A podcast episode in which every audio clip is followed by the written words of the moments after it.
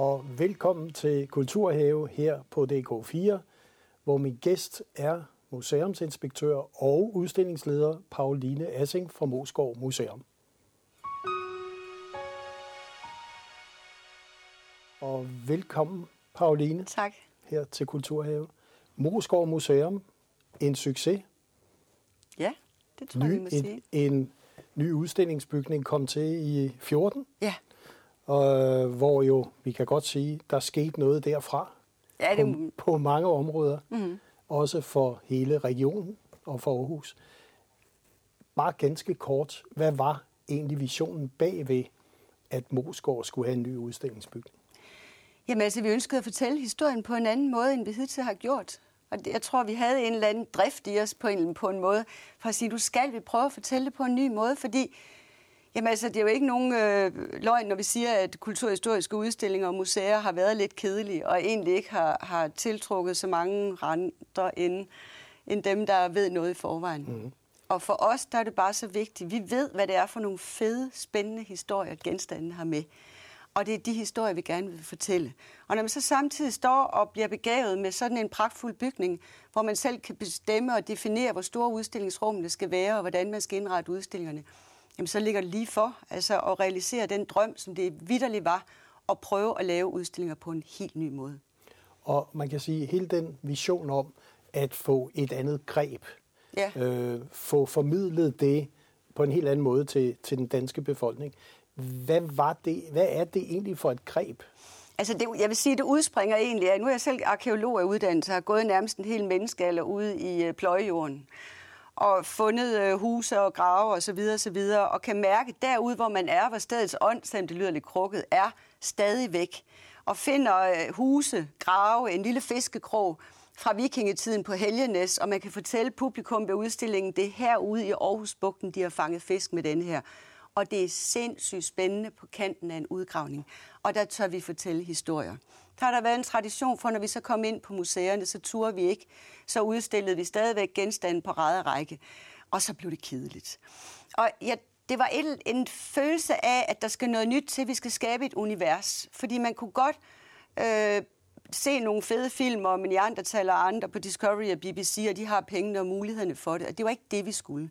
Vi skulle simpelthen skabe nogle universer i de fantastiske udstillingsrum, vi har fået, og hvor man følte, at man var med mennesket. Man fik en abstraktion over den tid, hvis fortælling vi skulle levere i udstillingen.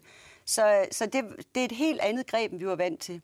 Vi skulle ud med arkitekter, de traditionelle, ud med de traditionelle designer og udstillingsarkitekter, og så skulle vi sætte vores eget hold. Og det fik vi lov til, og det var jo fantastisk. Der var tillid til, at det kunne vi det her. Så vi satte vores hold af kreative fagligheder. Det var scenograf, teatermaler, øh, mediedesigner, AV-folk og selvfølgelig også arkitekter. Men ikke arkitekter, der i forvejen for, var for skolet. Så vi satte et kreativt hold sammen og sagde, nu skal vi simpelthen udvikle det her sammen. Vi skal have fat på mennesket bag genstandene. Vi skal have fat på en abstraktion over naturen. Vi skal fortælle historier. De historier, som alle genstandene jo har med. Men så vi på en eller anden måde har glemt i vores gamle, traditionelle måde at lave udstillinger på, hvor det hele tiden var det arkeologiske øje. Hvad ser arkeologen? Hvad har vi registreret? Hvordan ser resterne af husen ud? Og det er med svært at få dem øh, talt op af jorden på en eller anden måde. Så, så det var noget med, ja, fortællingen om de mennesker, der har levet her før os. Det var det centrale. Identifikationen, mødet med fortidens mennesker. Og ture at give et bud for en, på en tolkning. Fordi arkeolog, arkeologi, det er jo sådan en videnskab, hvor Jamen, vi har en masse fakta fragmenteret, men du er simpelthen nødt til at skabe et værk. Du er nødt til at pakke det sammen, pakke det ind i en fortælling, og så servere den. Og det er, helt, det er jo helt øh, naturligt at gøre det. Så for os var det, at vores udstillinger skal være fyldt med universer. Der er ikke to rum, der er ens, for det er i virkeligheden historien, der dikterer, hvordan rummet ser ud, hvordan det er indrettet, hvad det er for en stemning, hvad det er for et lydunivers, øh, der ligesom understøtter genstandene, som jo selvfølgelig er udgangspunktet for det hele. Og samtidig så skal vi også have fat i forskeren, fordi alt det, vi laver, det hviler jo på hardcore forskning. Og det er den gode forsker, der kan brænde igennem og fortælle en god historie. Den nørdede forsker kan virkelig med hjerteblod fortælle, give en fortælling. Så vi siger, Jamen, vores øh, udstillinger, der skal både fortidens mennesker være til stede, men også forskeren. Så det er det møde, der giver den fortælling, som har så meget troværdighed omkring sig også. Altså som sagt, vi tager udgangspunkt i forskningen, men vi er nødt til at skabe en fortælling. Og, og det greb, som man jo bliver begejstret over bare at høre dig fortælle om, det er lige før vi styrer ud til Moskov. Hvad, hvad er det, det så giver publikum, der skal opleve det her mere end, man kan sige, de traditionelle greb? Jamen, vi giver publikum nogle fantastiske historier. Nogle store historier, nogle små historier, nogle dybe verdenshistorier. Vi lukker op for nogle historier, som før har været fortalt, det har vi også selv tidligere, på en lidt kedelig måde, så de har henvendt sig kun til en begrænset del af befolkningen. Og det er det, der er lukket op for med den måde, vi arbejder med, med udstillingerne. Så, så det vil sige, at, at det, at store dele af en befolkning, som måske ikke var interesseret i forvejen, bliver så gjort interesseret? Det tror jeg egentlig godt, ja. man kan sige. Vi kan jo mærke det på vores respons for vores publikum. Vi har mange uh, brugerundersøgelser. Vi kan også mærke det på vores besøgstal og på vores TripAdvisor osv. osv. Jo, så det, er, det har skabt, altså det har, vi har ramt noget med det. Ja. Jeg har for nylig været ude og holde foredrag for bedsteforældre generationen, og de siger, at Moskva er fantastisk. Det er børnenes museum også. Og det var faktisk det, vi gerne ville nå. Det bliver jeg faktisk rigtig glad for at høre, at når de kommer med deres børn og deres børnebørn, så har de en fælles god oplevelse. Og det var det, der var overskriften for vores udstillinger. Og museet, det var tre generationer på én gang. Det, det er jo ikke altid øh, nemt at lykkes med det. Men altså, det er jo heller ikke sikkert, at vi har gjort det alle steder. Jeg vil ikke være selvfed på det, men, men vi har i hvert fald ramt noget, og vi kan mærke en, øh, en begejstring, og, og publikum kommer, de unge kommer frivilligt til Moskov Museum nu også. Det gjorde de ikke i, i gamle dage. Og, og I har også taget nogle andre medier i brug. Altså, der er også lavet film. Ja, altså vi har jo, altså bare vores basisudstillinger, de øh, knap, hvad er det, 3.000 kvadratmeter, vi har der, hvor vi fortæller, kan man sige, historien om Danmarks oldtid. Der bruger vi jo rigtig mange øh, medieproduktioner. Vi laver rigtig meget animation, og vi laver ordløse fortællinger. Og jeg giver dig et eksempel på sådan noget som vores gravelement, som jo er vores kronjuvel, moselivet fra jernalderen, som blev offret formodentlig i, øh, altså for kærlighedens gudinde, eller for frugtbarhed i hvert fald. Når man udstiller sådan et, et dødt menneske, som åbenlyst har fået skåret halsen over, og det ser drabligt ud, og med en tekst på en væg skriver, at han er offret for frugtbarhed. Det er simpelthen ikke til at forstå, at, at du kan tage et liv for at give liv. Og også andre offerfund fra, fra oldtiden, som jo betød så meget, det at man gik og offrede til guderne for frugtbarhed, og næste år, og lyset kommer igen osv. Det, det, øh, det kan du gøre, hvis du laver nogle animationer, hvor du lader menneskene træde ind og foretage de handlinger, og vi så selvfølgelig tolker, hvad der skete, hvorfor de gjorde det. Ja. Det er det lag, vi lægger på. Jamen, så er du inde i fortællingen, så er du med, så er du en del af det. Og samtidig skriver vi vores tekster i nutid, sådan, så du træder ind i forhistorien. Og jeg tænkte også, at I har også lavet en, en visuel fortælling, øh, Christoffer Bo, ja. øh, har lavet en fortælling, Rejsen, som jeg synes, vi skal se et lille klip af. Mm. Og så kan du lige kommentere den også. Ja. Så det kommer her.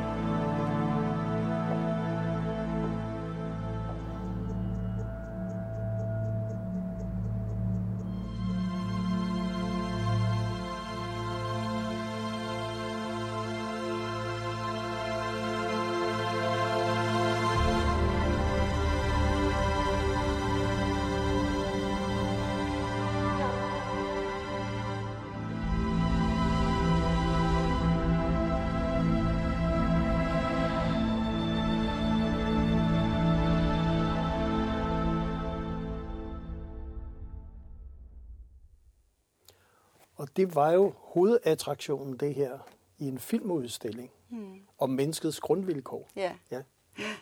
Jamen, øh, det var faktisk en drøm, vi havde om at lave. Nu har vi arbejdet i permanente udstillinger i de andre særudstillinger med fokus på mennesket og fokus på det, som vi alle sammen deler. Og det er jo vores grundvilkår. Vi taler meget om, hvor forskellige vi er alle sammen. Det bliver der er fokuseret vanvittigt meget på i hele verden. Men vi har jo nogle fælles grundvilkår, som vi deler. Alle os mennesker, helt tilbage fra stenalderen, op til nutiden og i hele verden. Og det tænkte vi, det kunne være spændende at så sige, ud med genstandene, men lad os prøve at lave en udstilling alene med grundvilkårene. Og det udspringer jo faktisk af det, vi har arbejdet med i mange år. Og der, var, der henvendte vi os så til Centropa og Christoffer Bo, og Christoffer har så lavet en, en fantastisk film til den her udstilling. Og øh, hans greb eller forslag var, at vi valgte i fællesskab grundvilkårene. Jamen det er jo fødsel og død, og så alt, hvad der ligger derimellem. Og så valgte vi at sige, at det er, det er kærlighed, det er tab, det er tro, det er rationalitet, det er... Har jeg været med alle sammen igennem? I hvert fald syv grundvilkår. Tro. Tro. Angst. Angst. Angst. angst, ja. ja. Angsten. Ja, ja. Øh, og de syv grundvilkår, dem deler vi alle og til alle tider. Og forslaget var så, at altså, det skal optages i syv verdensdele. Og det er syv mennesker, en person, der repræsenterer hver grundvilkår.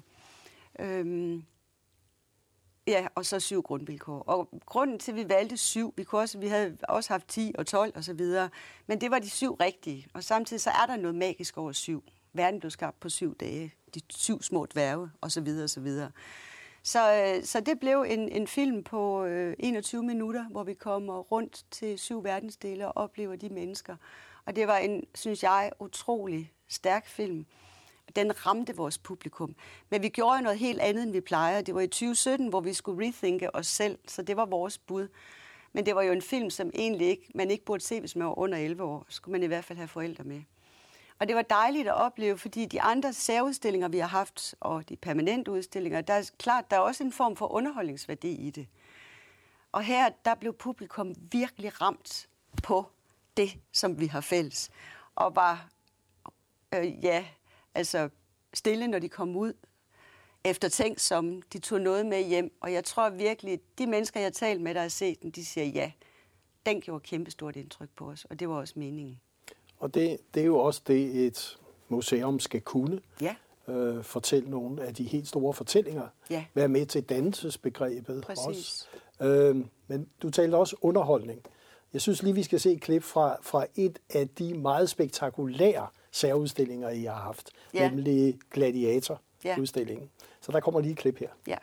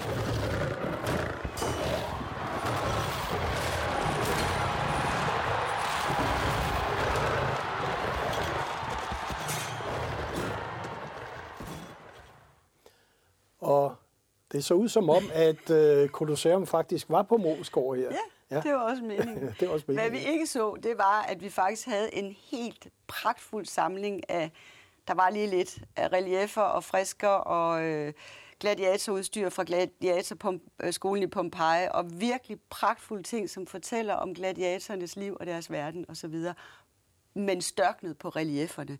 Og der står vi jo så faktisk lidt med det problem. Vi kan få en helt fantastisk samling, som folk rejser rundt i, i Italien for at besøge museerne og se. Den lever bare ikke op til det, vi er. Vi er et museum for tre generationer.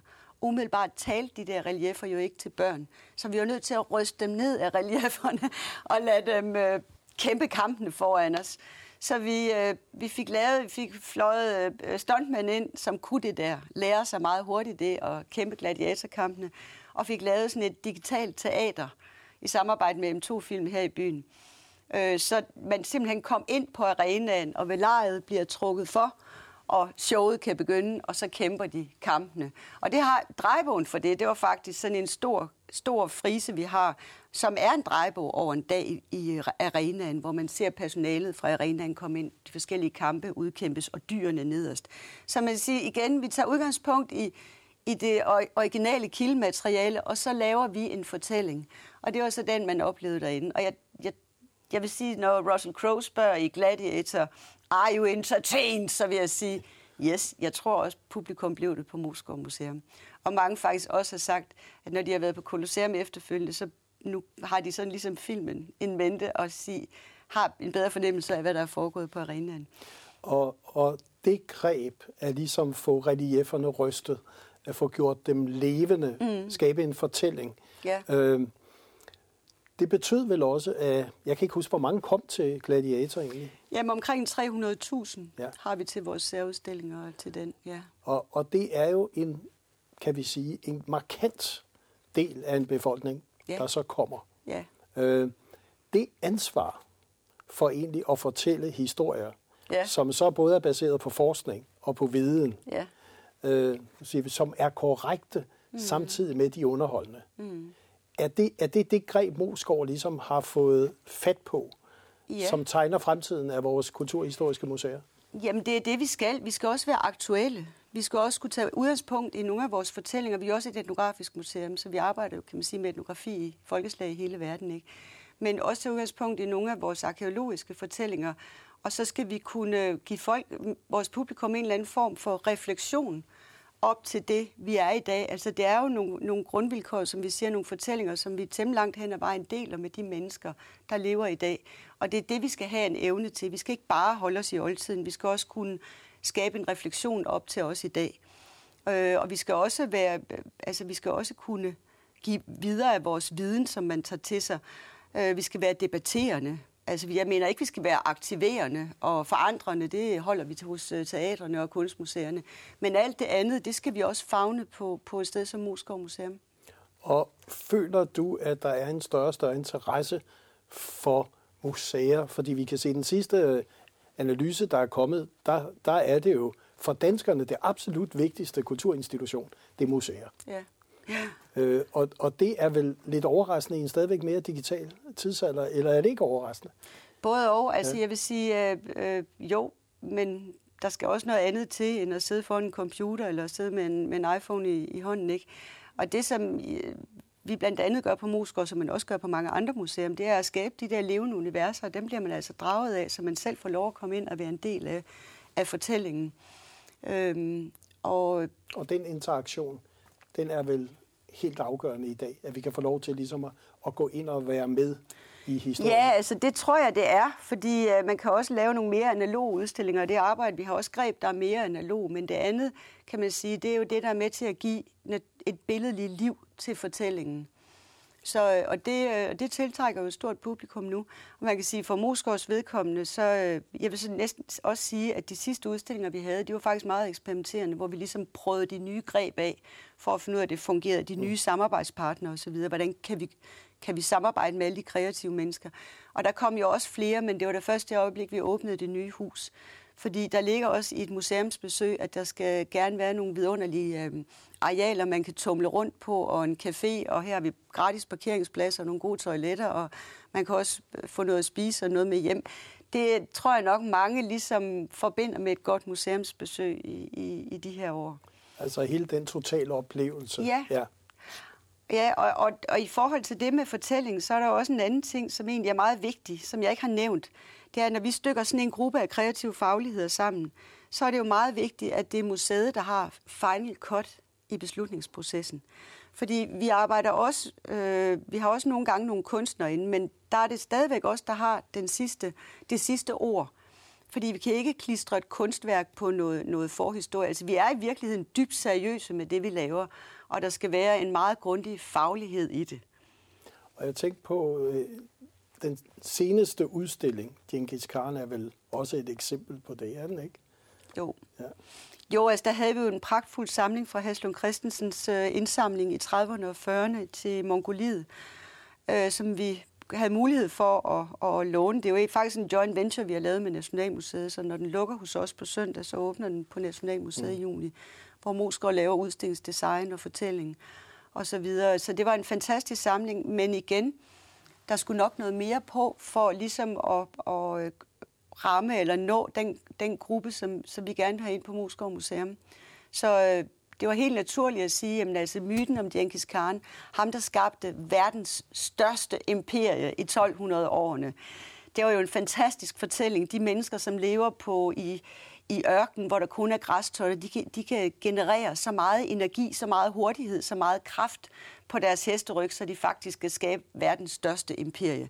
Og den historie er mongolerne selvfølgelig stolte over i dag, og faktisk så er de selv sådan tidsløse eller transhistoriske på den måde, at Genghis fylder så meget i deres hjerter i dag, og han er deres filosof og deres åndelige leder. Så derfor var det naturligt at lave nogle medieinstallationer, hvor man får den spændende fortælling om Genghis-myten øh, midt i, i det, den udstilling, som også fortæller om, om Mongoliet i dag. Og det synes jeg lige, vi skal se et enkelt klip fra ja. udstillingen her nu. Den kommer her.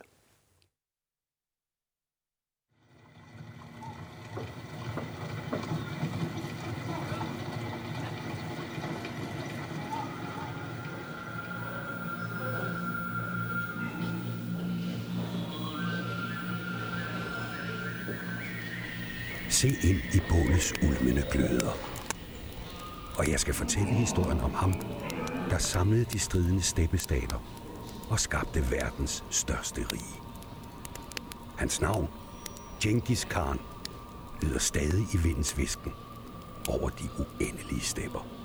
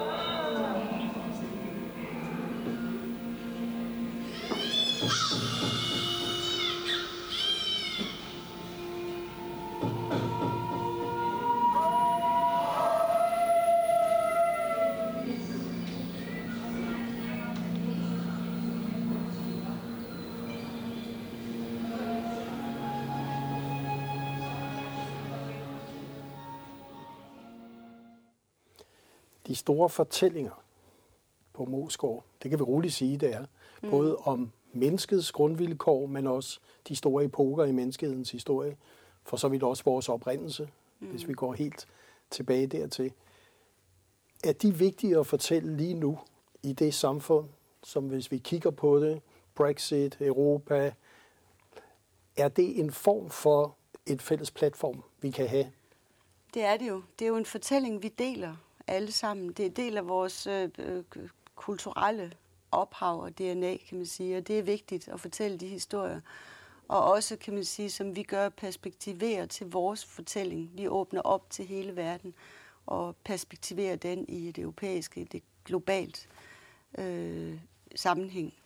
Det er da ufattelig vigtigt, at vi holder fast ved det og kender den historie. Og, og hvis du skulle se på den vision, du kunne have, ikke kun for Moskov, men for, kan vi sige, de store museer, de store fortællinger. Hvad, hvor, hvor ser du udviklingen gå hen? Bliver den mere og mere digital? virtual reality, øh, eller har vi stadigvæk brug for denne stoflighed? Har vi stadigvæk brug for, skal vi sige, også artefakterne? Det har vi i den grad. Altså genstanden er det, det er jo, jo det centrale. Det er også det centrale i vores udstillinger. Det er altid genstandene, vi tager udgangspunkt i, når vi laver fortællingerne. For det er genstandenes historier. De mennesker, som har lavet og holdt om de her genstande engang, det er den fortælling, der skal frem, og det håber jeg, du har forstået, at det er. Det er absolut genstandene, der er udgangspunkt. De formidler bare ikke sig selv, og derfor skal der noget mere til. Derfor pakker vi dem ind i den fortælling. Og jeg, jeg vil sige, som jeg sagde, der er jo også genstandsudstillinger alene, der måske kan tale deres eget sprog. Og der er øh, også analog måder at lave udstillinger på. Det er ikke fordi, vi skal have noget plimplam, der bimler og bamler hele tiden. Det er fordi, vi synes, det er den bedste måde at fortælle de her historier på. Og har det haft en betydning her til slut, at Moskov ligger ikke i København, men ligger ude i provinsen og i Aarhus?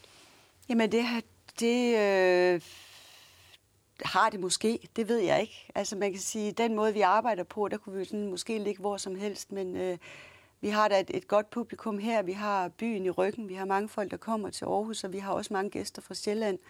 Og det er utrolig meget værd, at man også tager til Moskov for at, at se, øh, se vores årlige særudstillinger, sådan blockbusterudstillinger, som vi kalder dem, hvor vi låner nogle af de meget fornemme genstande ind fra, fra Europa eller fra verden og fortæller nogle historier.